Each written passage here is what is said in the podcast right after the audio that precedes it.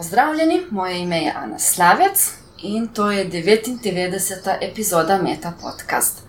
Sem na biotehnički fakulteti, na katedri za mi mikrobiologijo in z mano je Mihajl Špacapan. Mihajl, pozdravljen. Živijo.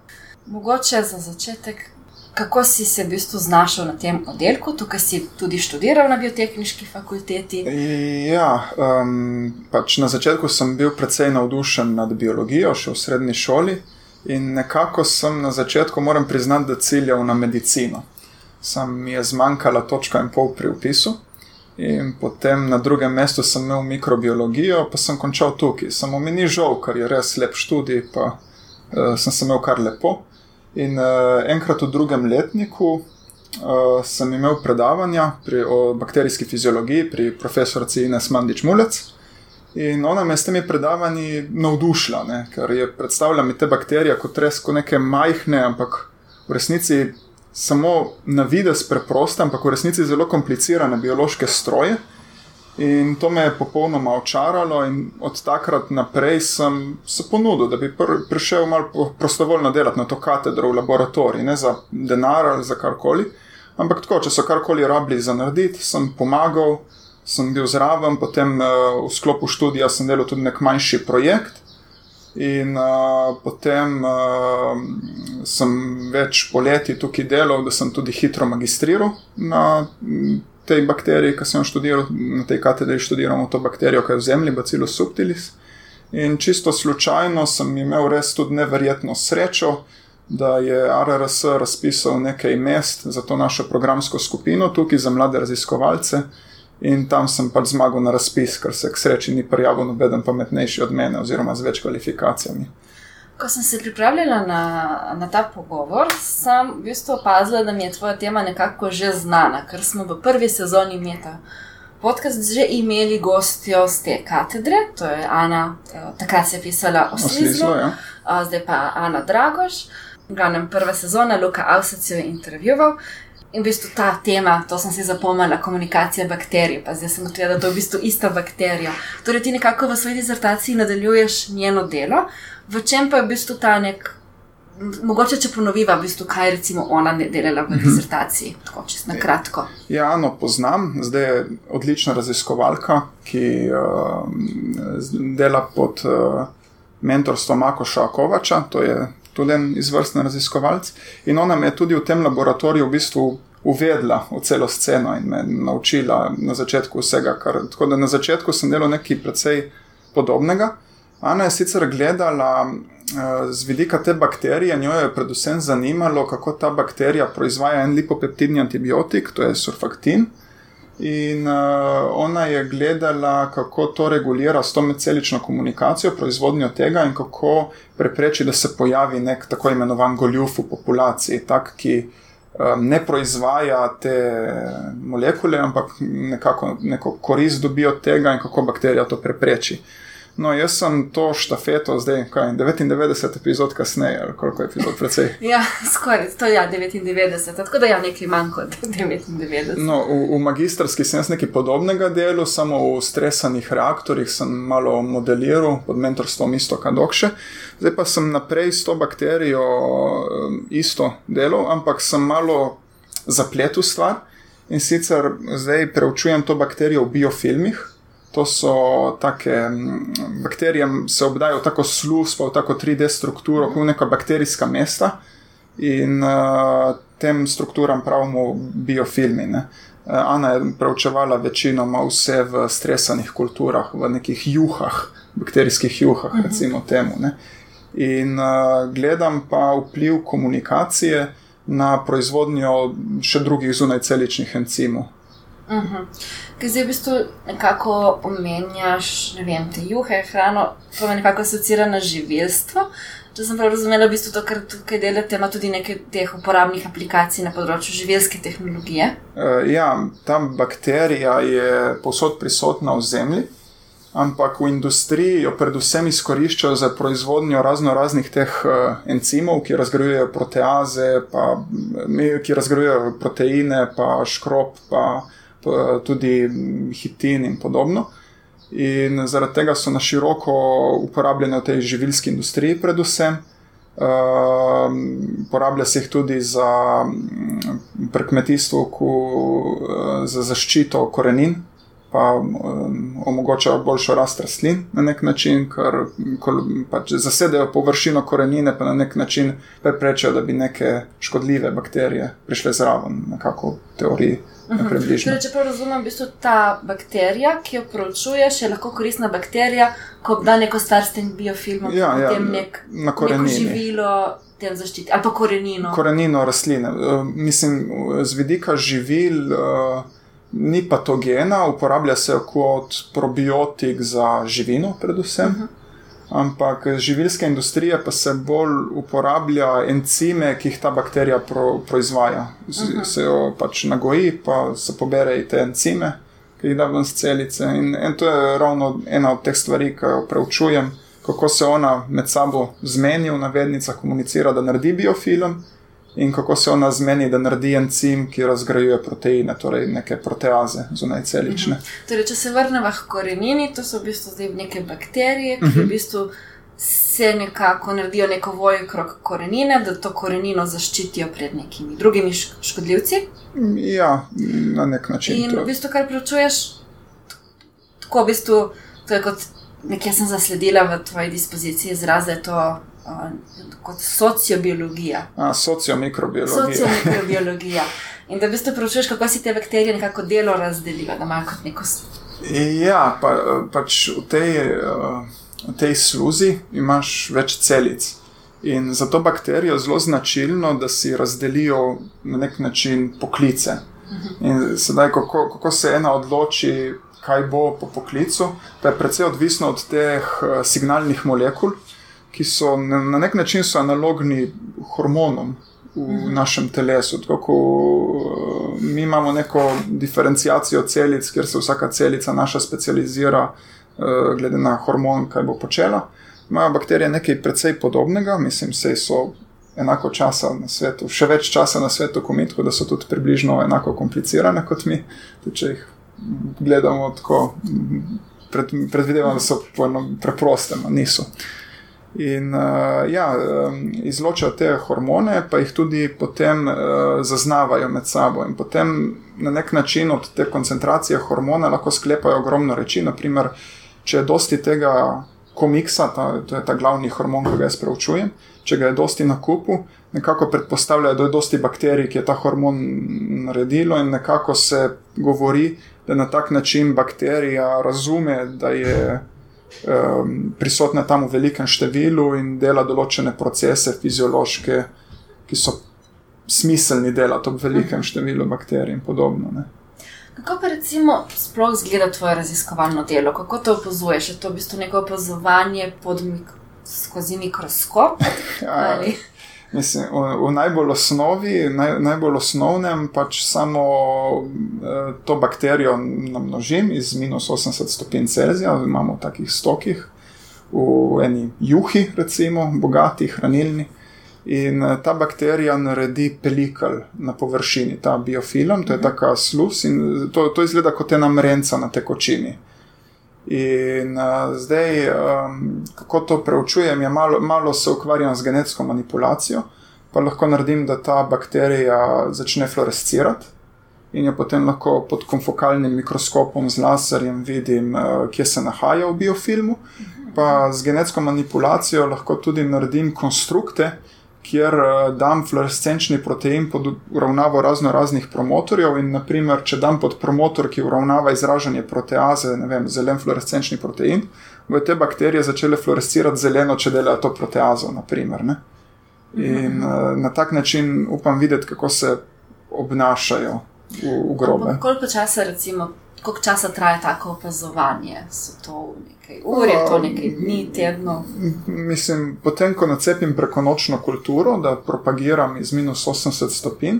Ta bakterija naredi pelikal v enih, v približno 10 do 16 ur, traja, da se pojavi prva mrenca na površini, potem pa nekje pri 40 urah začne to odmirati, pa tvoriti spore. Pa to verjetno nisi več čas zraven in spremljaš, ampak to ne vem, vsak dan malo pogledaš, kaj so pa zdaj spremembe, ali neka videokamera, ko to vse čas spremlja, pa si te posnetke ogleduješ. Ja, jaz sem, eh, naprimer, za spremljati fluorescence imamo en stroj, v katerega samo dam noter in miri fluorescenco na intervalu pol ure.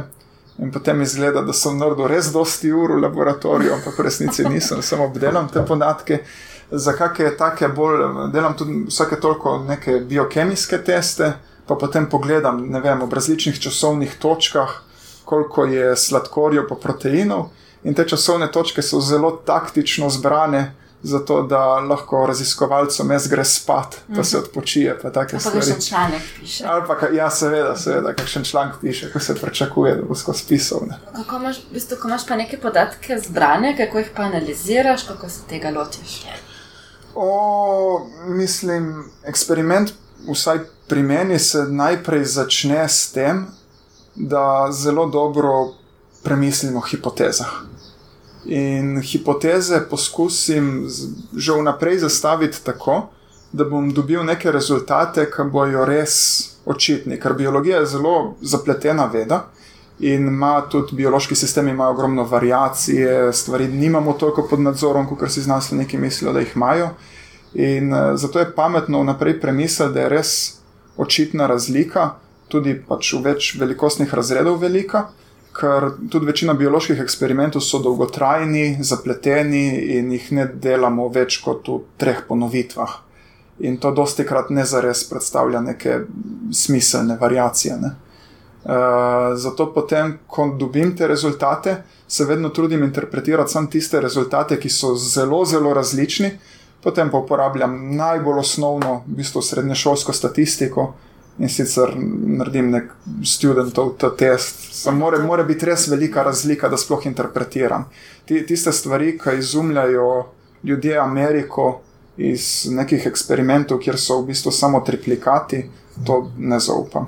Jaz mogoče da, da študentov to test v bistvu ni srednja šolska statistika, ampak v bistvu tudi.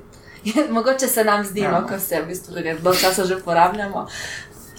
Zdaj sem se ravno spomnila na eno profesorja Bleca, prej sem začela ta pogovor, smo o njem govorila, pa me pred časom sva se nekaj srečala, pa me vprašala, kako je, kaj delam pa med drugim tudi malo učim. Pa sem rekla, da učim čisto osnove statistike, kot je ta test, in pa je rekel, da to niso osnove. da to je tudi že kar zahtevna tema, no? tako da moramo biti malo. Ne smemo biti tako samo kritični. Profesor Blec je izvrsten pedagog, tudi njegova predavanja so čudovita, ima super smisel za humor.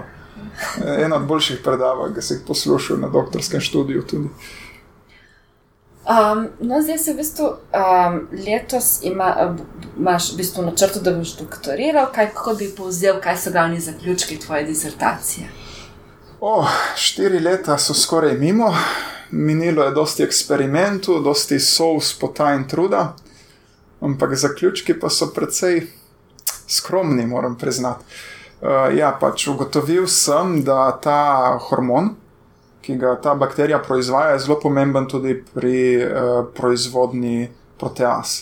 In sicer drugi raziskovalci so že uh, preko preučevanja molekularne regulacije, torej zasnove te bakterije, že nekako ciljali v to smer. Jaz sem samo to neposredno pokazal. Edino, kar je bila eh, zanimivo, byproduct, ko bi se temu reklo. Stranski produkt. Stranski produkt te raziskave je, da sem opazil še nekaj zelo zanimivega in sicer ta feromon je peptid, je majhen protein. In eh, kar proizvaja zunaj celične encime, med njimi tudi proteaze. Eh, te proteaze lahko tudi razgradijo ta peptid in je kot neka taka negativna povratna zanka. In to sem čisto slučajno opazil, ker sem nekaj zraven potestiral. Ne? In je nekaj, kar je na vidi samo umevno, ampak ja, to je neko malo tako bolj zanimivo odkritje, ta regulacija, ki je sicer zelo, zelo neka fina in specifična stvar.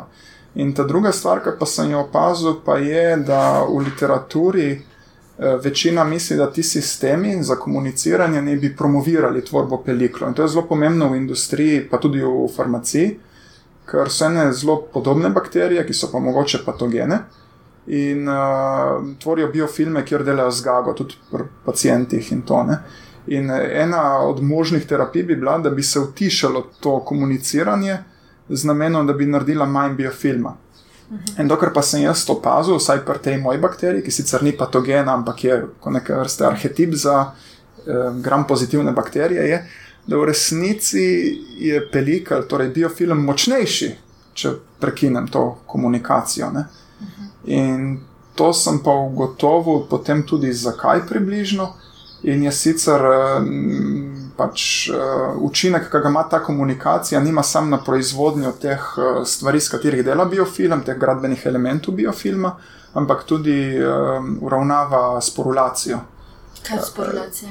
To je ena preživetvena oblika, ki jo ima ta bakterija. A, mimo grede, um, um, ko pač zmanjka hranil ali pa se segreje, bakterija, bacillus subtilis lahko tvori sporo. Ne?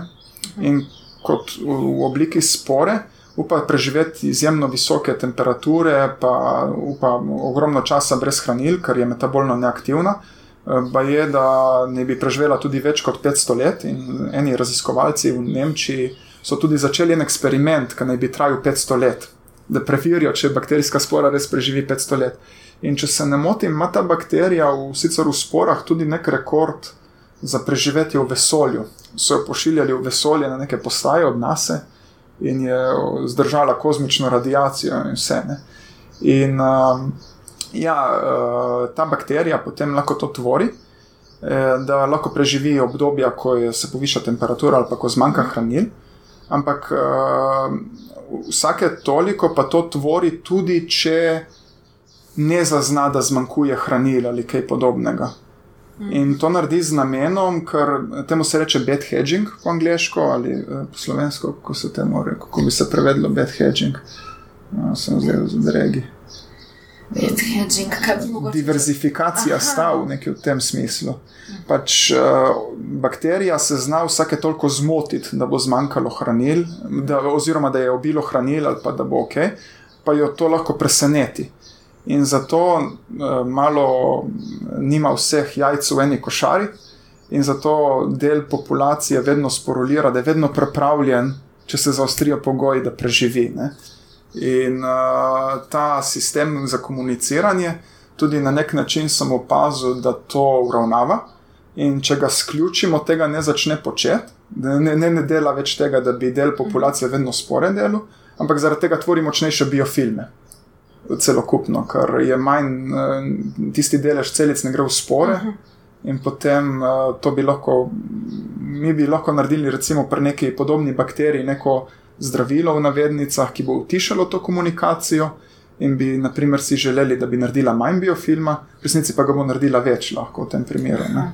Zato, ker ona v bistvu na to reagira nekako obrambno. E, obrambno, ne mislim. Uh, uh, regula, ta komunikacija ne učinkuje samo na uh, sintezo biofilma, na proizvodnjo tega biofilma, ima še ta drug učinek, da regulira to sporulacijo. Ne? In uh, na to ta drugo, mislim, molekularno vejo, da se to sproži, ampak fiziološko noben še ni šel pogledat. Uh, tako natančno, da bi to opazili. Tako da to je v bistvu zdaj neka taka smer za bodoče raziskave. Ja, mis, ja, ja, ja, za bodoče to in še rad bi zapletel stvar za bodoče raziskave, da bi uvedel še malo druge vrste, pa videl, kako med sabo. Poskusil z drugimi vrstami, vrstami bakterij. Pa malo pogledal, kako interagirajo med seboj, ker uh, to vse, kar sem govoril zdaj, uh, preučujem samo v, eni, v enem vsevu, v bistvu. Aha, v nekem laboratoriju, ki je v bistvu neko umetno. Ja, ja, umetna sub... situacija v naravi, pa verjetno to. Je še dosti, dosti bolj zapleteno. Ker bacillus subtilis, naprimer, ima več jezikov naprimer, za komuniciranje, uh, ima neke variante teh hormonov. Pa potem se med sabo tudi ne vedno razumejo, potem so še druge vrste bakterij, ki uh -huh. lahko tukaj igrajo neko vlogo. In uh, neke raziskave kažejo, da, da je dosti bolj zapleteno v resnici ja, in da bi mogli tudi to poštevati. Skoraj spet lahko rečemo nekaj sporednice z ljudmi, ko različne jezike govorimo. Ja, ja to, je zelo, to je vse zelo podobno. Vse je ogromno tudi teh uh, socioloških teorij in pač teh teorij za živali, se slika na te bakterije. Ne? Ker jih je tudi lažje preučevati, ker se naprimer, razdelijo v 20 minutah, 20 do 40 minutah. Ljudje rabimo malo več časa. S tabo sem želela govoriti še o eni zadevi. Če povem ti zgodbo, kako sem se odločila, da te povabim na intervju. Um, v Društvu Mlada Akademija smo letos odprli Facebook skupino Doktorska klepetalnica, um, ki je v bistvu tako spletno mesto namenjeno komunikaciji um, slovenskih um, mladih raziskovalcev, oziroma širše raziskovalcev na začetku karijere, kjer se lahko pogovarjamo o različnih temah, ki se tičejo doktorskih študentov. In um, v tej skupini sem objavila povezavo do enega zanimivega članka, ker so ameriški um, psihologi ugotovili, da znanstveniki, ki na spletu objavljajo svoje selfije, ki na tak način v bistvu predstavljajo svoje delo, da to v bistvu nekako dviguje raven zaupanja v znanost, da, da se pokaž, pokažejo v neki bolj človeški luči in naj bi to v bistvu imelo do pozitivne učinke ker bi jih naredilo bolj človeške, blizu ljudem in potem ljudje bolj zaupajo znanstvenikom. Pa me je potem zanimalo, ali je v Sloveniji kakšen znanstvenik, ki to počne, pa si se v bistvu potem sam javil, da imaš uh, Instagram profil, kako se imenuje? S-P-A-Z-Z-A-L. Zdaj, zelo sama Instagrama ne uporabljam in ga ne dobro poznam. Zanima me, zakaj si se odločil odpreti ta profil. Sam res za znanstvene namene, ali tudi ga uporabiš v osebne namene? O, ja, uh, za znanstvene namene imam v bistvu Twitter profil in večino teh resnih znanstvenikov, uh, tudi iz tujine, zelo, zelo uporabljajo ta Twitter ker ima tudi ta, je tako malo bolj medij, ker je bolj um, bazira predvsem na nekem tekstu, ker je kraj, mhm. napišeš nek sicer kratek tekst. In uh, na, uh, ogromno znanstvenikov tudi, naprimer, tvita na konferencah, kaj se dogaja. Tako da dan danes se da spremljati uh, znanstvene konference preko Twitterja, tako v, v realnem času. Zelo zanimivo je to, zelo, zelo, zelo razširjeno, ampak to je bolj resno. Jaz imam tudi en tak račun, sem tudi že poskusil malo tweetati, da bi malo promoviral te konference, pa izsledke kakih študentov, ki grejo na te konference s posteri, pa da se, malo, da se malo izpostavi njihove raziskave ne, in ne samo uh, raziskave profesorjev. Um, z Instagram računom pa sem začel v bistvu kot s hecom. Uh, na začetku sem ga mislil malo tako na pol osebno, sam se tudi ne prav znajdem pri tej tehnologiji, ker nisem prav toliko mlad, ampak je nek popularen medij, kjer objavljaš neke te slike. In uh, v laboratoriju smo to začeli v bistvu kot nek hec. Uh, študenti, tle ogromno študentov dela magistrske, smo se tako vsake toliko dobili, pa smo si zamislili nek uh, sketch, uh, naredili skripto, pa to odigrali, pa imamo zdaj razno razne te skeče. Potem pa sem hotel tudi malo, ne vem, prikazati mm, en del sebe, tudi zraven noter, ker nočem, da bi me ljudje dojemali samo kot nekega znanstvenika. Um, to, da me ne dojemajo več kot resnega znanstvenika, upam, da bo razvidno tudi iz tistih uh, sketchov, da imamo nek smisel za humor, ne? da nismo zmerno smrtno resni, pa da je to, ker mm, če si preveč resen v življenju, po mojem, ni zdravo. Uh, Ampak sem potem poskusil tudi malo del sebe, malo neke svoje hobije prikazati, pa um, s čim se še ukvarjam, poleg znanosti. Naprimer, to so pa sledilci, so to zdaj tukaj kolegi na oddelku, drugi znanstveniki. Ja, na začetku sem predvsem mojo sestro in brata uh, naplahtal, da so mi sledili, pa lajkali. Um, po večini so ja, kolegi tukaj iz laboratorija, uh, ki delamo te skeče. Eh, pa eni prijatelji z Facebooka, pa se malo širi, ampak je še vedno relativno majhen račun. Kakšen je pa recimo odziv starejših sodelavcev, kako gledajo na to na tak način promocije? Oh, to pa je malo mešano. Mislim, po eni strani se mi zdi fajn, pa smešno, ampak po drugi strani pa je še vedno um, uh, pač. Uh, treba paziti na neko resnost, pa na nek uh, nivo. Ne? Ker uh, tisto na Instagramu se sicer brijemo norca, pa se delamo norca, ampak uh, v laboratoriju pa je treba vseeno paziti na nek uh, red, pa na neko varnost in to. Tako da. Do not try this at home, ne poskušajte tega doma. To, kar mi delamo tukaj, je popolnoma v kontroliranem okolju, tisti heci in šale, tega se ne zares počne v laboratorijih, čeprav po mojem bi moglo biti to nekako samo umevno. Te v bistvu um, ta medij uporabi tudi za komunikacijo pač bolj resnih znanstvenih spoznanj ugotovitev svojega dela. Ma ja, to, to sem poskušal predvsem s Twitterjem, da bi malo razširil, pa um, Instagram je tudi, um, da bi malo bolj resno prek Instagrama, to ne vem, če bi bilo sploh mogoče, ker je mišljen bolj kot platforma, kjer ti pokažeš recimo eno sliko lepo. Uh, sicer bi lahko schematsko prikazal, mogoče to, kar raziskujem, ampak uh, ne vem, Twitter bi bil bolj primerna platforma, po mojem, po večini. To je bolj za promocijo mhm. znanosti, bolj za, uh, bolj za približati znanost ljudem, pa pokazati, da smo znanstveniki tudi. Mhm sicer navadni, ampak malo čudni ljudje. Kaj pa spremljaš, kakšne tuje znanstvenike, ki se na tak način predstavljajo? Spremljaš kakšne Twitter ali Instagram račune drugih? Uh, ja, na Twitterju imam ogromno takih ljudi, na Twitterju sem znanstvenik pan. In uh, eden, naprimer, ta Koškovač, ki sem ga prej omenil, ki je zdaj mentor od Ane Oslizlo, zdaj Dragoš, tudi, naprimer, je blazno aktiven na Twitterju In uh, vsakeč, ko gre na kakšno konferenco, tweetne, uh, nekako povzame predavanja, in je tudi lažje slediti predavanjem, ker dela te povzetke. Pa tudi zelo močno promovira svoje delo. In uh, ta promocija svojega dela je zelo, zelo pomembna, ker na vse zadnje mi, znanstveniki, smo na nek način v službi ljudi. Ne?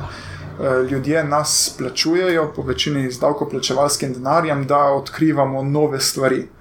In uh, na nek način smo jim dolžni uh, približati to, kar delamo, ker to je naša služba, na vse zadnje. Ne. Jih je treba nekako prepričati, da je njihov denar dobro zapravljen. Če se zdaj vrnemo k temu spoznavanju znanstvenikov, tudi z bolj uh, te človeške pleti, zato tudi v meta podkastu vedno zaključimo z sklopom vprašanj ki niso povezane z toliko z raziskovalnim delom, ampak s katerimi skušamo naše intervjuje boljše spoznati.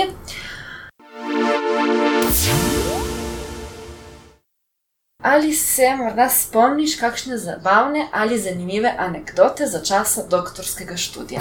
Ja, teh anekdot je precej ogromno in jaz vam priporočam, da si greste malo pogledati ta moj Instagram račun, ki sem ga prej omenil, Adspazel. In to samo dajte imati to z neko rezervo, ker mogoče niso prav toliko resne anekdote, ne so bolj šali. A, kako so se od upisa do danes spremenila tvoja pričakovanja glede doktorskega študija in ali bi se ponovno odločil za doktorski študij? Ja, za, pač, na doktorski študij sem si vedno želel. In to sem imel bito v glavi že od drugega letnika prve stopnje, ko me je profesorica tam Ines Mandič Mulec očarala na teh predavanjih. Jaz sem vedel, jaz hočem zdaj to početi. In uh, v doktorski študij sem se podal, moram da priznati, prav malo arogantno, s to romantično predstavo teh znanstvenikov, ki odkrivajo neverjetno odkritja in rešujejo svet. Potem pa sem začel dejansko izvajati doktorski študij in sem ugotovil, da je realnost malo manj romantična, da je potrebno dosti več truda, pota, sous in krvi vložiti v to, in da je treba ogromno delati. Uh, še vedno je uh, rewarding, je uh, nagrajujoče to početi. Ampak definitivno ni tako preprosto, in definitivno ni tako preprosto narediti neko odkritje vredno Nobelove nagrade, kot sem si mogoče aroganten mlad jaz mislil. Mislim, da sem še vedno kar mlad. No. Ampak še vedno pa rad počneš to, kar počneš. Še vedno rad to počnem in tudi zdaj s tem znanjem bi se verjetno odločil popolnoma še enkrat za isto stvar. Tudi če bi vnaprej vedel, da, pač, da bom štiri leta delal za nek res majhen, majhen del te sestavljanke, sem po mojem je bilo vredno, ker sem mal dozorel kot človek, po mojem. Tako da, ja. Um, če bi imel priliko iti na kavo s predsednikom vlade, kaj bi mu predlagal, da izboljša na področju znanosti? Ja, iz svojih osebnih izkušenj uh, mu bi lahko povedal, da če hoče izboljšati znanost v Sloveniji in da bi pač več ljudi um, šlo v to, bi bilo zelo fajn spodbuditi programe, kot so RRS programi financiranja mladih raziskovalcev. In to je zelo dober začetek v ta pravo smer. Ker um, sam lahko povem, da bi zelo, zelo težko si predstavljal, kako bi delal to, kar sem počel, brez uh, pomoči Agencije Republike Slovenije za raziskovalno dejavnost, ker uh, delati doktorat to ni več uh, nek hobi, to je v bistvu poklic, kjer ti raziskuješ in ogromno ljudi mora potem to delati še ob neki službi. In uh, to si ne predstavljam, kako je izvedljivo, ampak nekateri ljudje to uspe, no, vseeno uspejo. In uh, ja, mislim, da ta program RRS, ki ti nudi financiranje, da imaš dejansko neko pogodbo, kjer si zaposlen, je nek zelo dober začetek in jaz bi spodbujal še naprej. To. Bi drugim doktorskim študentom predlagal kakšno tehniko upravljanja s časom ali pa morda kakšen kak računalniški program, ki ti olajša delo in prihrani čas?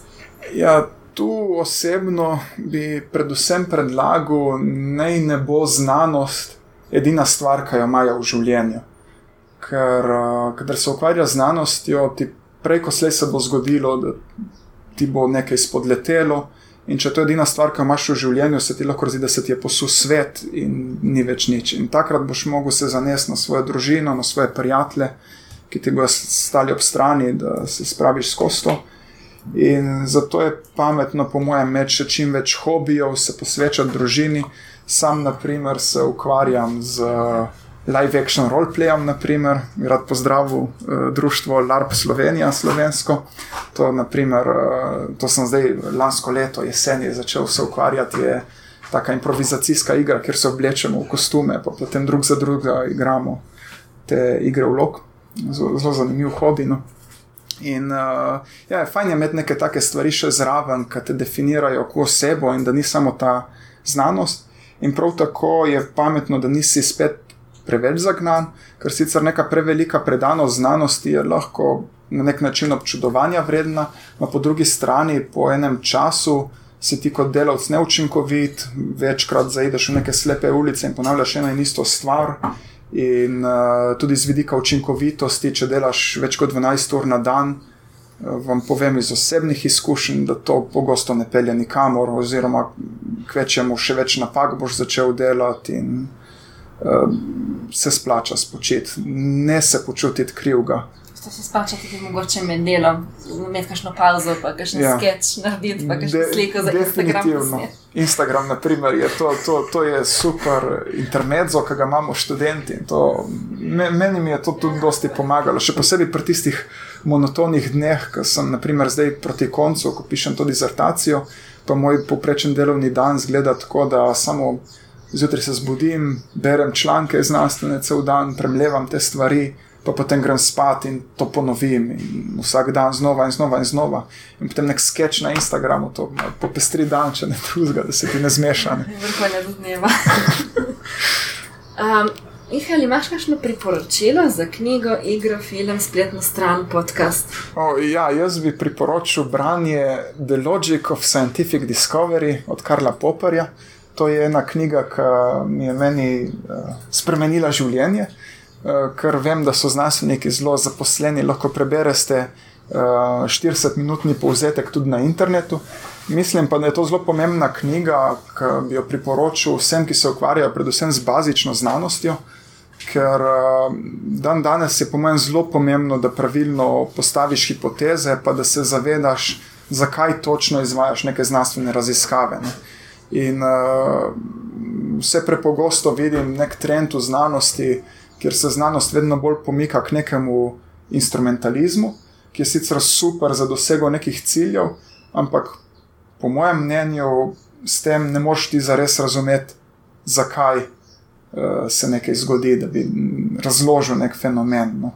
In mislim, da bi mogli tudi več poslušati filozofe in filozofijo upoštevati na splošno tudi v znanosti, ker uh, dan danes še preveč pogosto slišim kakšne malo tako arogantne znanstvenike, ki rečejo, da ja, je znanost tako napredovala, da filozofija ne potrebujemo več. Ne?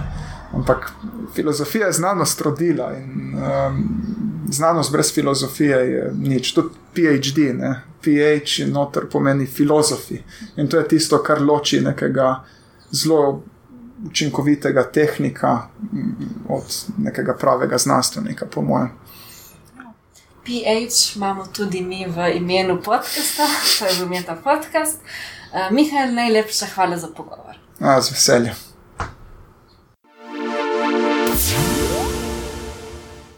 Poslušali ste Meta podcast. To je oddaja, v kateri se pogovarjamo z mladimi znanstveniki in znanstvenicami z različnih področji znanosti. Podcast domov je na spletišču metinalista.si, kjer najdete tudi druge zanimive znanstvene vsebine. Pohvale, pripombe in predloge lahko posredujete po e-mailu znanost afnametinalista.si.